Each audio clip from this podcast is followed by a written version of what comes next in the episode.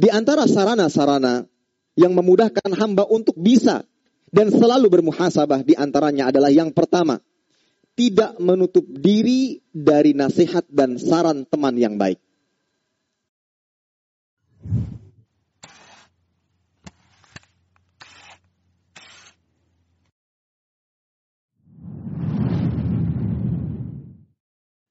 Innal hamdalillah نحمده ونستعينه ونستغفره ونستهديه ونتوب إليه. ونعوذ بالله من شرور أنفسنا وسيئات أعمالنا. من يهده الله فلا مضل له ومن يضلله فلا هادي له. أشهد أن لا إله إلا الله وحده لا شريك له.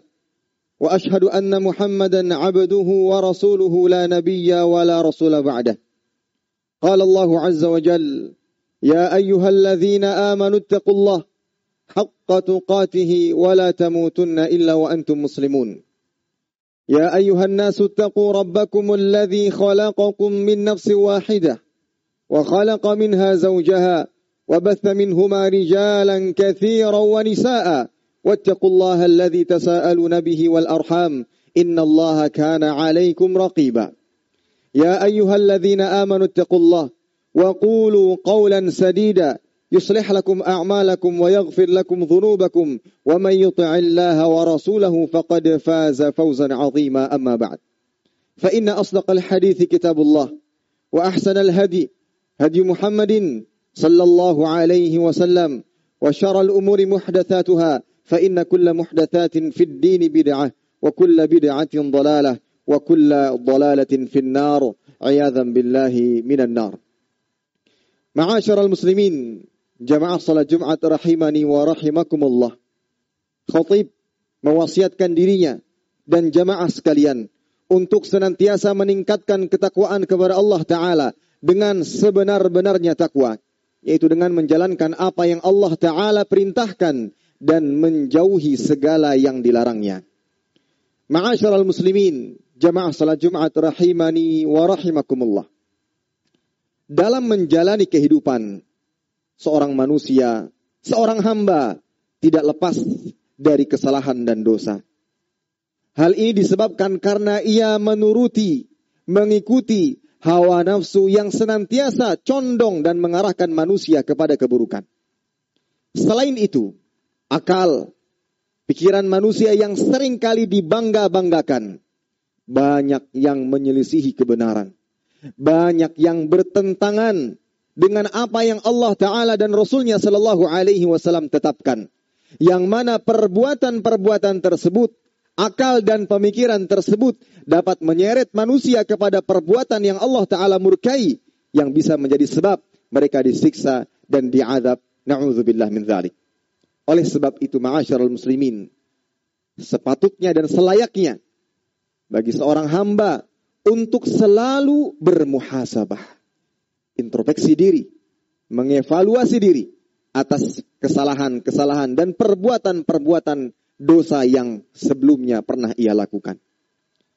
Muhasabah itu adalah ibadah yang Allah Ta'ala perintahkan. Sebagaimana yang Allah Ta'ala firmankan di dalam Al-Quran. Surat Al-Hashr ayat 18. Ya ayyuhalladzina amanu ittaqullah wal tanzur nafsum ma qaddamat bighat. Wahai orang-orang yang beriman, bertakwalah kalian kepada Allah Ta'ala. Dan perhatikan, perhatikan apa yang kalian perbuat, apa yang kalian lakukan untuk hari esok. Dan juga ketahui bahwasanya di antara sifat dan ciri orang yang bertakwa adalah senantiasa bermuhasabah, senantiasa introspeksi diri atas perbuatan-perbuatan yang lalu yang telah ia lakukan. Salah seorang ulama mengatakan Maimun bin Mihran mengatakan la yakunu al-'abdu taqiyan hatta yakun li nafsihi ashadd muhasabah min asy-syariki sahih min syarikihi. Tidaklah seorang hamba itu bertakwa, dikatakan bertakwa kepada Allah Ta'ala. Sampai dia senantiasa bermuhasabah dan muhasabahnya jauh lebih keras dibandingkan teman kerja yang selalu membuat perhitungan kepada temannya. Dia selalu membuat perhitungan terhadap dirinya. apa yang dia lakukan, apa yang dia perbuat, baik itu dosa-dosa kecil, apalagi dosa-dosa besar, maka senantiasa dia perhitungkan bahwa itu adalah perbuatan yang Allah Ta'ala haramkan, yang mana dia harus memperbanyak istighfar dan taubat kepada Allah Subhanahu Wa Ta'ala.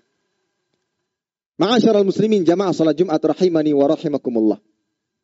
Di antara sarana-sarana yang memudahkan hamba untuk bisa dan selalu bermuhasabah di antaranya adalah yang pertama, tidak menutup diri dari nasihat dan saran teman yang baik. Kita ketahui bahwasanya kita memiliki keterbatasan, kita memiliki hawa nafsu yang condong kepada keburukan. Maka tatkala kita membuka diri, menerima nasihat, menerima masukan-masukan yang baik itu yang akan membuat kita mudah untuk bermuhasabah. Ingat atas kesalahan-kesalahan dan dosa yang pernah kita perbuat. Baik yang menasehati adalah orang yang dari sisi pendidikan di bawah. Umurnya jauh lebih muda. Kedudukan yang di tengah masyarakat di bawah. Kita tidak pandang itu semua. Ketika dia menyampaikan kebaikan, nasihat yang bermanfaat untuk akhirat kita, maka kita termasuk orang yang harus mendengarkan. Dan ini bisa kita ambil dari kisah antara Umar dan Abu Bakar radhiyallahu taala anhuma. Suatu ketika Umar menyampaikan saran kepada Abu Bakar untuk menulis Al-Qur'an. Yang mana pada saat itu Abu Bakar Siddiq radhiyallahu taala menolaknya. Maka kata beliau, "Falam yazal Umar yuraji'uni fihi hatta sarahallahu lidzalika sadri." Fara'aitu alladhi ra'a Umar. Maka Umar radhiyallahu taala senantiasa membujukku, memberikan nasihat dan masukan kepada Abu Bakar untuk menulis Al-Qur'an, untuk membukukan Al-Qur'an sampai Allah Subhanahu wa taala membukakan dan melapangkan dadaku sehingga aku berpendapat dan memiliki pandangan sebagaimana yang dipandang oleh Umar. Dan lihat bagaimana kedudukan tidak menghalangi Abu Bakar untuk bisa menerima nasihat dan masukan dari sahabatnya yang dicintainya itu Umar bin Khattab radhiyallahu taala Maka saran yang pertama adalah jangan menutup diri dari nasihat. Jangan menutup diri dari masukan-masukan dan saran-saran yang baik dari sahabat-sahabat dekat kita. Jangan pandang bahwa kita adalah orang yang paling tinggi kedudukannya, tinggi pendidikannya. Namun lihatlah apa yang dia sampaikan karena niatan yang dia inginkan adalah kebaikan untuk kita semua. Kemudian yang kedua, bersahabatlah dengan teman-teman yang baik, teman-teman yang saleh. Kita ketahui bahwasanya Allah Ta'ala perintahkan hamba-hambanya untuk bersama dan berteman dengan orang-orang yang saleh dalam surat At-Taubah Allah Ta'ala berfirman, Ya ayuhalladzina amanu taqullah wa kunu ma'as sadiqin. Wahai orang-orang yang beriman, bertakwalah kalian kepada Allah Ta'ala dan bersahabatlah, bertemanlah kalian dengan orang-orang yang jujur. Gandengan antara perintah bertakwa dan bersama orang-orang yang saleh ini berkaitan. Seseorang bisa menjadi hamba yang bertakwa ketika sahabatnya, temannya, orang-orang terdekatnya adalah orang-orang yang saleh dengan persahabatan yang baik, memiliki sahabat-sahabat yang baik, akan tercipta suasana saling menasehati satu sama lain.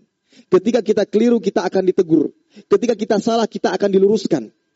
Dan kita sadari, kita akui tidak ada yang lebih baik dibandingkan Nabi Shallallahu Alaihi Wasallam. Manusia yang paling bertakwa, manusia yang paling takut kepada Allah Taala. Namun suatu ketika beliau mengatakan kepada sahabat-sahabatnya, Innama ana basyarun mithlukum. Ansa kama tansaun. Fa'idha nasitu dzakiruni.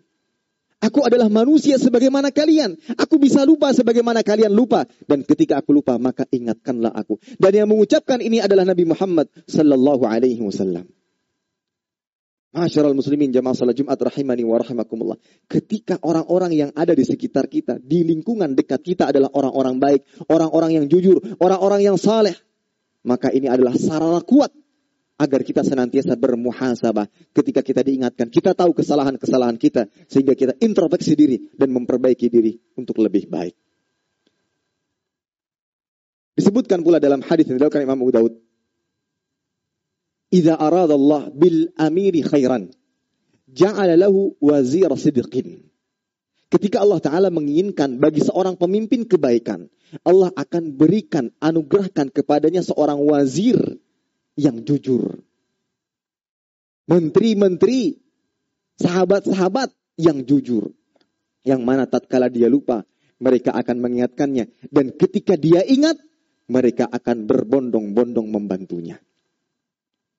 Disebutkan pula dalam sebuah kisah bahwa Umar itu memiliki orang yang sangat dekat dengannya. Yang bernama Al-Hur bin Qais.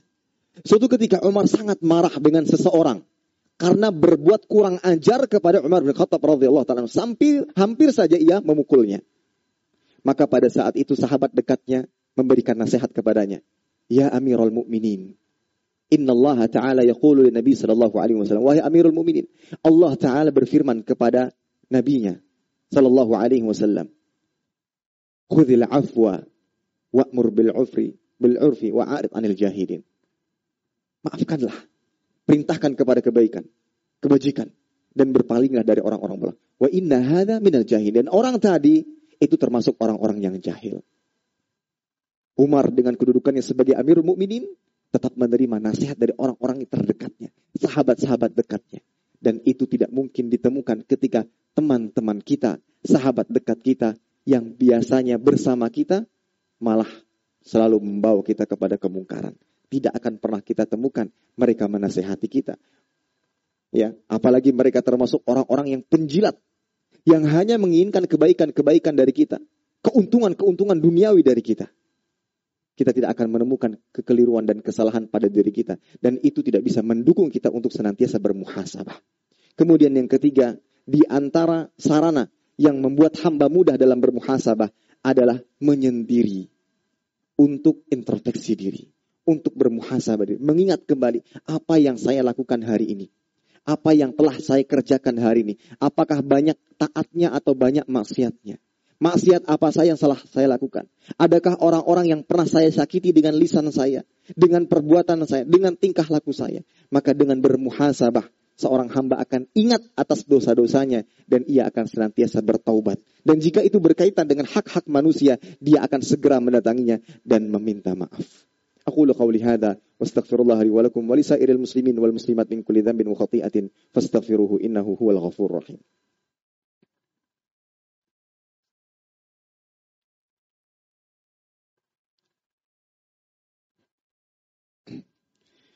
الحمد لله على إحسانه والشكر له على توفيقه وامتنانه وأشهد أن لا إله إلا الله وحده لا شريك له تعظيما لشأنه وأشهد أن محمدا عبده ورسوله الداعي إلى رضوانه صلى الله عليه وعلى آله وصحبه وسلم تسليما كثيرا. أما بعد معاشر المسلمين جماعة صلاة جمعة رحمني ورحمكم الله. Kembali khotib mengingatkan dirinya dan jamaah sekalian. Untuk senantiasa meningkatkan ketakwaan kepada Allah Ta'ala dengan sebenar-benarnya takwa menjalankan apa yang Allah Ta'ala perintahkan dan menjauhi segala yang dilarangnya. Ma'asyaral muslimin jamaah salat Jumat rahimani wa rahimakumullah. Di balik muhasabah terdapat faidah-faidah dan pelajaran yang bisa kita ambil. Yang pertama adalah dengan bermuhasabah, hisab seorang hamba di hari kiamat akan diringankan. Umar bin Khattab radhiyallahu taala mengatakan, "Wa inna ma yakhiful hisab yaumal qiyamah man hasaba nafsahu fid dunya. Sesungguhnya hisab Allah Ta'ala akan ringankan bagi seorang hamba di hari kiamat kelak bagi hamba-hamba yang terbiasa bermuhasabah, introspeksi diri ketika ia di dunia. Kemudian yang kedua di antara faidah di balik muhasabah adalah dengan bermuhasabah azab, musibah bisa terangkat. Disebutkan dalam sebuah hadis Rasulullah sallallahu alaihi wasallam bersabda, "Idza tabaya'tum bil 'ainah wa akhadtum adznab al baqar wa raditum biz zar' wa taraktum al jihad sallallahu alaikum dhulla la yanzi'uhu hatta tarji'u ila dinikum." Apabila kalian berjual beli dengan ainah dan ini adalah praktek jual beli yang diharamkan. Mengambil ekor-ekor maksudnya adalah berbuat zalim Waraditum bizara. Kalian lebih ridha kepada pertanian. Maksudnya lebih ridha kepada dunia dibandingkan akhirat. Wataraktumul jihad dan kalian meninggalkan jihad. Sallallahu alaikum dhulla. Maka Allah Ta'ala akan menimpakan atas kalian kehinaan. Dan itu adalah sebuah musibah. La yanzi'uhu yang mana Allah Ta'ala tidak akan mencabutnya. Tidak akan mengangkatnya. Hatta terju'u ila dinikum. Sampai kalian kembali kepada agama kalian. Dan kita ketahui. Salah satu wasilah sarana yang membuat hamba kembali kepada Allah Subhanahu wa taala adalah bermuhasabah. Karena orang yang bermuhasabah, maka seluruh dosanya akan tampak di matanya.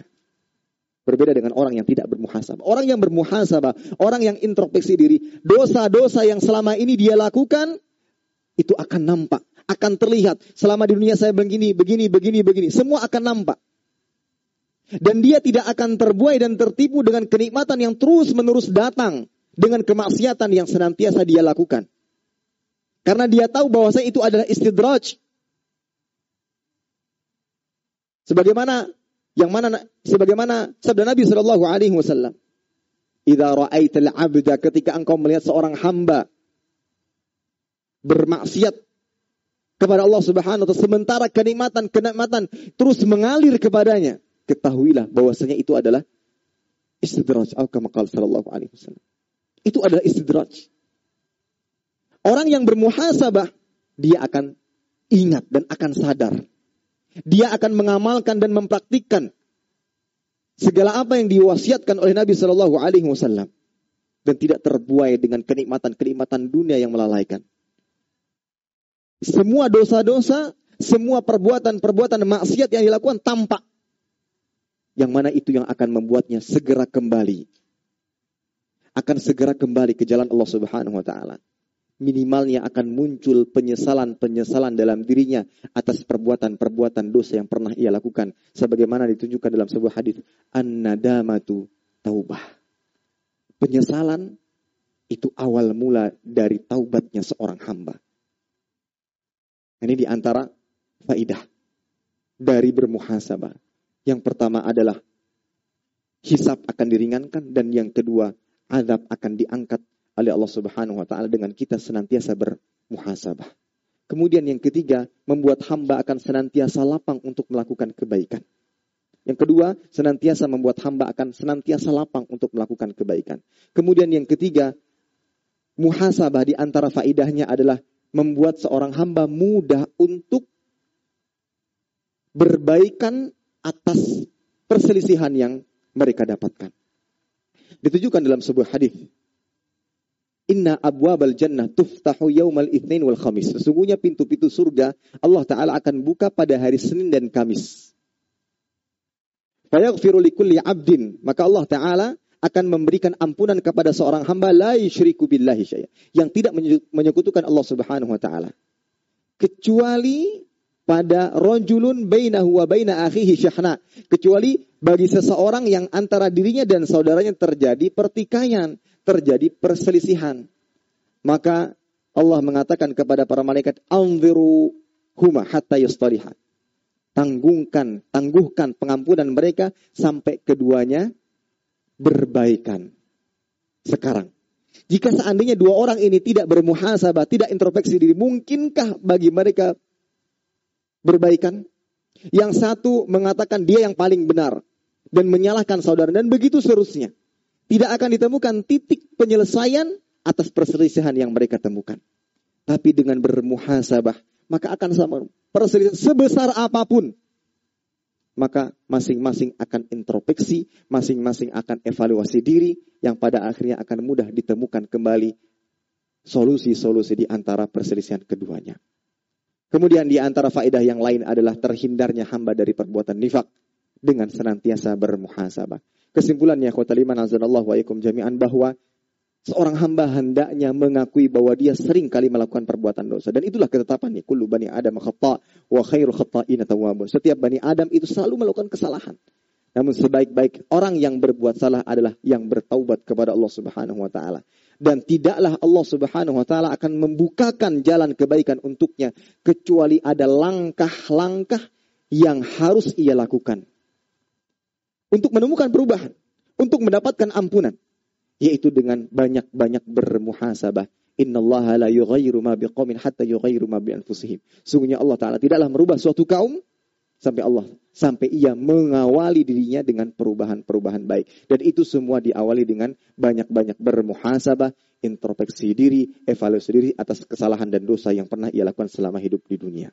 Mudah-mudahan kita termasuk di antara hamba-hambanya yang Allah Ta'ala bebaskan jauhkan dari perbuatan dosa dan kemaksiatan dan yang mana itu semua sebagai sebab kita masuk ke dalam surganya Allahumma amin. Inna Allah wa malaikatahu yusalluna ala nabi ya ayyuhalladzina amanu sallu alaihi wa sallimu taslima Allahumma salli ala Muhammad وعلى آل محمد كما صليت على إبراهيم وعلى آل إبراهيم إنك حميد مجيد وبارك على محمد وعلى آل محمد كما باركت على إبراهيم وعلى آل إبراهيم إنك حميد مجيد اللهم اغفر للمسلمين والمسلمات والمؤمنين والمؤمنات الأحياء منهم والأموات إنك سميع قريب مجيب دعوات يا قاضي الحاجات اللهم أرنا الحق حقا وارزقنا اتباعه وأرنا الباطل باطلا وارزقنا اجتنابه.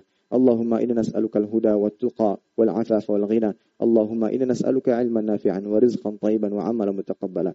اللهم أصلح ولاة أمورنا لما تحب وترضى. وارزقهم بطانة صالحة يا أرحم الراحمين.